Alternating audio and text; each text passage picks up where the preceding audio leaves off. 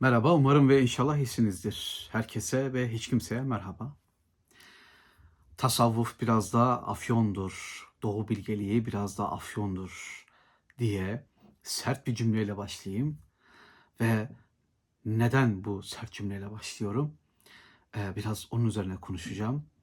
Evet, bir referans noktamız var yine. Ee, uzun zamandır aralıklarla da olsa Osho'nun kitaplarından bahsediyorum. Hindistanlı düşünür, varoluşçu filozof Osho'nun metinlerinden bahsediyorum. Bazen onu eleştiriyorum çok sert bir şekilde. Bazen söylediklerini çok ciddiye almak gerek, gerektiği kanaatini taşıdığımı söylüyorum. Bugün Osho'ya epey sert bir şeyler söyleyeceğiz. Ama sadece bununla kalmayacağım. Doğu bilgeliği hakkında, tasavvuf hakkında da bir hikaye üzerinden Osho'nun anlattığı, anlatmaya çalıştığı, bir şeyler çıkardığı hikaye üzerinden de bazı görüşlerimi, düşüncelerimi paylaşacağım. Şimdi kitabımız Martları Seven Adam. Epey mümbit bir kitap, epey işime yarıyor. İçinden epey mevzu çıkıyor. Her satırı tartışmalı diyebileceğim kadar iyi bir kitap. Bazı diğer Osho kitaplarını okuduğumda birbirinin benzeri aynısı olduğunu görüyorum ama burada epey güzel hikayeler üzerinden hikayeleri odağa alarak anlattım. Gerçekten güzel olmuş. Bu anlamda bu kitap Osho'nun okunabilecek en iyi kitaplarından biri. Ufak bir kitap önerisi. Şimdi bu kitapta beni epey rahatsız etmiş, çok rahatsız olduğum düşünceler vardı. Bunlardan biri e, kadınlar tecavüze uğramayı kendileri isterler gibi gerçekten akıllara zarar fikir. Bunun üzerine bir konuştum, bir şeyler söyledim. Bir yerlerde var, kanalda bir yerlerde duruyor. Şimdi konumuz bambaşka. Konumuz Doğu bilgeliği, konumuz tasavvuf ki Doğu bilgeliği e, dediğimiz şeyin içine, konunun içine tasavvuf bal gibi giriyor.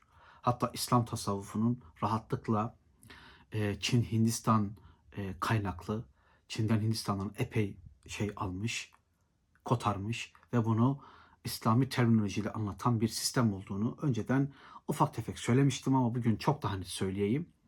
Bizim tasavvuf dediğimiz fikir, düşünce, e, Hinduizm, Budizm, Jainizm, Taoizm gibi birçok doğulu öğretinin, düşüncenin, dinin e, İslami terminolojiye dökülmüş hali. Bunu bir kusur diye anlatmadım. Bu bir ayıp değil.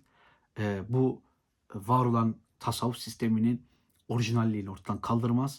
Tasavvufun kendine has ciddi bir orijinalliği vardır.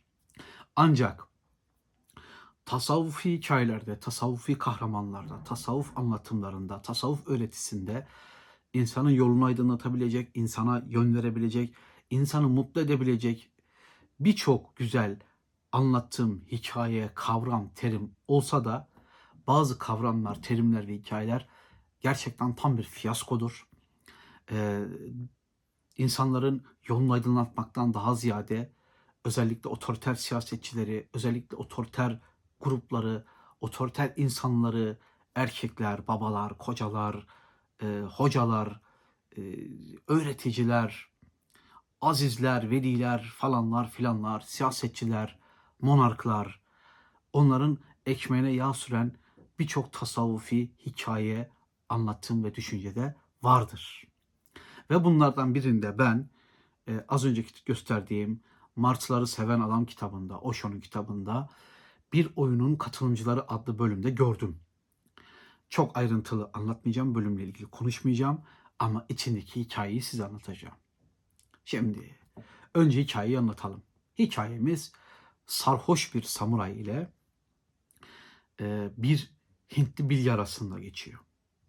Bir sarhoş samurayımız var bir Hintli bilgemiz var. İşte tasavvuftaki şeyhe denk gelen, mürşide denk gelen, işte e, manevi rehbere denk gelen bir kişi. İsmi de Muso. E, sarhoş samurayla bu Hintli bilge bir yerde karşılaşıyorlar. Şöyle bir karşılaşma. Bir nehirden geçilecek. Nehirde kayıklar var. Kayık bir taraftan alıyor insanları bir kıyıdan diğer kıyıya ulaştırıyor. Neyse kayığa insanlar yerleşiyor. Tam e, kayık kalkacakken demir alacakken sarhoş bir samuray geliyor ve izinsiz falansız filansız kayaya atlıyor. Adam hem sarhoş hem de epey bir iri yarı anladığımız kadarıyla e, kayık sallanmaya, sarsılmaya başlıyor. Ve kayıkçı biraz korkuyor. E, hem sağına soluna devamlı sallanan bir adam var. Hem dengesiz hareketler yapıyor. Ve ona diyor ki ya lütfen dikkatli ol. E, bak burada herkesin canı tehlike altında. Sakin ol falan diyor. Samuray dönüp Hintli bilgeye bakıyor. Diyor ki bunu diyor denize atalım. Madem sen kayığın sallanmasından, devrilmesinden falan korkuyorsun. Bunu denize atalım diyor Hintli bilgeyi göstererek. Hintli bilge ona bir cevap veriyor. Sabırlı ol kardeşim diyor samuraya. Samuray bu sefer o Hintli bilgeye küfür etmeye başlıyor. Küfürler yağdırmaya başlıyor. İşte bunu denize atalım, işte bu adamı denize atalım vesaire. Bu arada Hintli bilgenin de yanında kendi öğrencileri de var. Onlar da aynı kayıttalar. Ardından sabırlı ol kardeşim diyor Hintli bilge bir daha. Samuray dayanamıyor. Eline geçirdiği bir şeyi kafasına indirip epey bir yaralıyor bu Hintli bilgeyi. Hintli bilge diyor ki sabırlı ol kardeşim. Evet Hintli bilge sabırlı oldan başka cümlede bilmiyor herhalde. Sabırlı ol kardeşim, sabırlı ol kardeşim diyor. Devamlı böyle bir şeyler. Ardından e, yanındakiler e, samurayı itmeye, kayıktan atmaya yelteniyorlar. Ona vurmaya yelteniyorlar. Onları sakinleştiriyor. Siz durun karışmayın diyor. Ardından bu Hintli bilge bir şiir okuyor. Ee, dövülen ve döven aynı oyunun katılımcıları, aynı oyunun bir parçası gibi bir ifade kullanıyor. Samurayın kafası karışıyor. Kayık karşıya geçiyor ve indiklerinde samuray gidip aman efendim siz ne büyük insansınız. Siz ne kadar harikasınız. Ben size işte o kadar zulmettim, kötü konuştum, tehdit ettim, vurdum, kafanızı kanattım. Ama siz hep bana sabırlı ol dediniz. Beni öğrencilerinizden biri yapın diyor ve onlar eriyor. Muradına biz çıkıyoruz kerevetine. Evet bu hikaye başlangıcında yani ilk başta en azından o tehditler ve hakaretler civarında sabırlı olmak her ne kadar anlam taşısa da ardından bir kişinin başka bir kişiye açıktan açığa zulmettiğini görüyoruz. Yani o kişiyi rahatsız ettiğini, işkence ettiğini, her türlü şiddeti uyguladığını görüyoruz. Şimdi psikolojik şiddete sesini çıkarmadım Hintli bilge. Fiziksel şiddeti de sesini çıkarmadı. Hatta herhalde öldürecek onu da sesini çıkarmayacak. Şimdi bilmiyorum içinizden bazıları yani aslında Hintli bilge işte bilgi olduğu için, veli olduğu için işte aziz bir adam olduğu için, çok iyi bir adam olduğu için bunu yapmış diyebilirsiniz. Ama bu hikayenin ve bu böyle tarz hikayelerin, tasavvufta anlatılan bu tarz hikayelerin çok büyük bir yanılsaması veya çok büyük bir tehlikesi vardır. Bakın ortada açıktan açığa bir işkence var, bir zulüm var, bir keyfilik var ve bu keyfiliği öyle ya da böyle onaylayan bir insan var. Ve bu onaylayan insan bizim bilge dediğimiz kişi. Yani bir kişi başka bir kişiyi açıktan açığa zulmediyor ama o zulmü uğrayan bu zulmü onaylıyor. Bu tasavvufta çok görülen bir hikayedir. Az görülmez, çok görülür. Bakın ben size bir tane de e, tasavvuf, İslam tasavvufu bölümünden anlatayım. Dediğim gibi ki çok güzel hikayeler var. Harika hikayeler var İslam tasavvufunda da. E, insan hakikaten e, yolun aydınlatabilecek, insana renk katacak, zevk verecek hikayeler vardır. Bir de böyle az önce anlattığım samurayla Hintli bilgenin hikayesi gibi tehlikeli hikayeler vardır. Şimdi onların birine bir örnek vereceğim. Adamın biri bir gün hikayeye göre hacca gitmiş. İşte hacda e, gezmiş dolaşmış bir veli zat varmış. Bir veli zat varmış yanına gitmiş. Efendim siz demiş şu an Mekke'deki en ulvi, en ulu kişisiniz falan demiş. Böyle bir de bizde bir yalakalık, yavşaklık vardır böyle. Herkese bir urlama aman efendim siz ne büyüksünüz vay. Sizin gibisi gelmedi gitmedi vay. Yoksa siz Mehdi misiniz falan. Hep böyle tuhaf tuhaf hikayeler anlatılır. Ee, bu kişi, karşısındaki kişi olgun bir insan anladığımız kadarıyla. Biraz rahatsız olmuş tavırlarından. Demiş ki ya böyle konuşma demiş. Böyle bir şey yok demiş yani sen abartıyorsun falan filan. Efendim demiş bu Mekke'de sizden daha ulvi kim olabilir demiş. Daha üstün kim olabilir demiş ben üstün değilim. Ama sana üstün birini göstereyim demiş. O da gösterin efendim demiş. Bak demiş şurada bir kadın var böyle e, sadece e, yüzü görünen siyah çarşaflı bir kadını göstermiş. Bak demiş şu kadına. Bu kadın demiş e, hacca Mekke'ye e, şeyden Anadolu'dan kalktı geldi ama gözlerini kapattı, gözlerini açtı buradaydı. Hikaye bu ya tasavvuf. Bir hikaye anlatıyor sonunda. İçinde olağanüstülükler de barındırıyor. Biraz masal gibi düşünün yani. Ee, ondan sonra efendim demiş o zaman gidip ona stajda bulunayım. Onun hakkında güzel şeyler söyleyeyim vesaire. Ee, yani demiş yani istersen git demiş onunla bir duasını al bir konuş. Gitmiş kadının yanına duasını almış konuşmuyor. Bakmış ki sıradan bir kadın bir özelliği yok bir şey yok yani kadında neyse. Sonra geri gelmiş demiş ya efendim ben anlamadım demiş. Çok sıradan çok alelade bir kadın yani. Bu kadının ne özelliği var falan. Demiş ki bu kadın e, 40 yıldır evli ve kocası bir alkolik. Kocası bir kumarbaz. Kocası onunla bununla düşüp kalkan namussuz, şerefsiz bir adam yani. Öyle bir adam. Ama demiş bu kadın 40 yıldır o adama tahammül ettiği için artık hacca Mekke'ye gelirken ona sabrettiği için sabır az önce ettiğim bilginin hikayesindeki gibi sabrettiği için onun makamı çok yüksek. En yüksek makamda da o var demiş. Bakın az önce anlattığım hikayeyle bu hikaye arasında ortak yön sabır yönü. Ama iki hikayede açıktan açığa bir zulüm var. Alkolik kocalar var. E, etrafına işte kadına zarar verdiği garanti. Bir tarafta sarhoş bir samuray var. O da o Hintli bilgiye zarar veriyor. Ve biz bunu Doğu bilgeliği olarak öğreniyoruz. Biri İslam tasavvuf hikayesi, biri Doğu bilgeliği hikayesi. İkisinde de açıktan açığa şiddet var. Açıktan açığa şiddetin onaylandığını görüyoruz. Ve bu onaylamayı şöyle bilmişçe, bilgece bir açıklamayla e, üstünü kapatmaya çalışanlar var. Osho da bunu yapıyor. O Mekke'deki işte çok büyük veli denilen kişi de bunu yapıyor. İşte Hintli bilge de o samurayla tartışan, kavga eden, tartışmıyor da dayak yiyen diyelim açık açık. Muso da aynısını yapıyor. Hiç fark etmiyor. Hepsinde şu var. Bunların hepsi geçecek. Her şey geçecek. O zaman hiçbir şey kafaya takmayalım.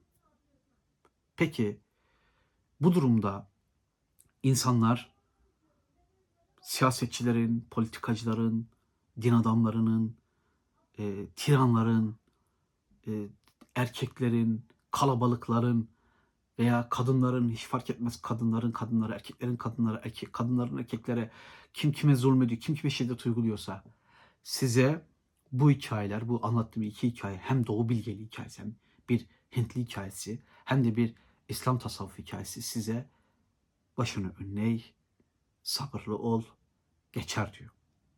Peki ben buna mukavemet göstersem, karşı çıksam, önünde dursam, bana bunu yapamazsınız, ben bunu hak etmiyorum desem ne olacak? Hayır, sabırlı olacaksın. Çünkü dayak yiyen de, yiyen, yi, e, dayak yiyen de, dayağı atan da aynı oyunun bir parçası. Biz bu oyunda dayak yiyenler tarafında, biz bu oyunda hakarete uğrayanlar tarafında, biz bu oyunda rezil olanlar tarafında olabiliriz. Ama sonunda hepsi, her şey geçiyor. Bakın tehlike burada. Karl Marx o sözü hakikaten kullandı. Din afyondur dedi. Çünkü Karl Marx'ın kastettiği şey şuydu. Karşımızda bir zulüm var. Karşımızda açıktan açığa bir şiddet var. İşte patronun, kapitalizmin, o sanayi devriminin şiddeti var. Ancak e, kutsal kitapların savunucusu olduğunu söyleyen rahipler, papazlar, imamlar, hahamlar, müezzinler bilmem neler size hep sabretmeyi öğütlüyor. E, Jack London'ın Demir Ökçe kitabında baş kahramanın sözleri. İnsanlar fabrikalarda kolunu kaybetti, gözünü kaybetti, bacağını kaybetti, canını kaybetti, namusunu, şerefini, haysiyetini kaybetti. Onlarca yıl boyunca ve kilise sadece sabredin dedi kilise sadece sabredenler cennete gider dedi. Ama bize uğradığımız haksızlığa, adaletsizliğe karşı çıkın demedi. Elbette her türlü dinde farklı fraksiyonlar var.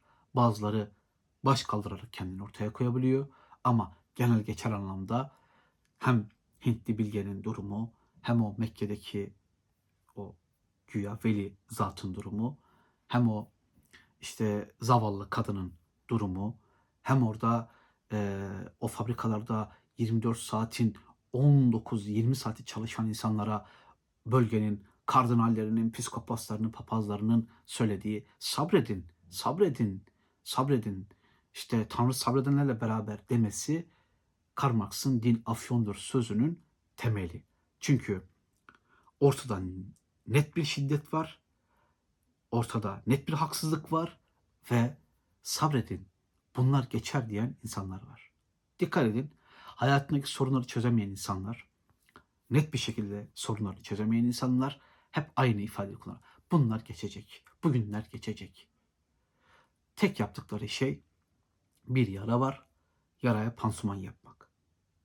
Evet, tasavvufta ne yazık ki biraz afyondur. Bu sabır hikayelerini e, gördüğümüz kadarıyla.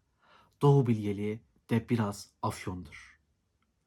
Size sabır diye öğrettikleri şey hakkınızı savunma hakkınızı ötelemek veya ortadan kaldırmak.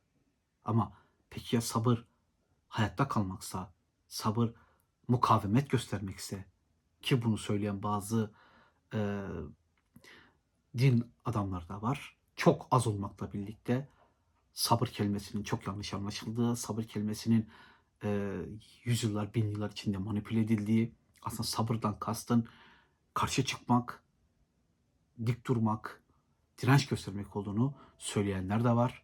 Ama bu hikayelerdeki sabır, tasavvuf hikayelerinin sabrı, Doğu bilgeliğinin sabrı, Hindu hikayelerindeki sabır size iyi bir dünyayı değil, var olan acımasız dünyanın onaylanmasını gösteriyor.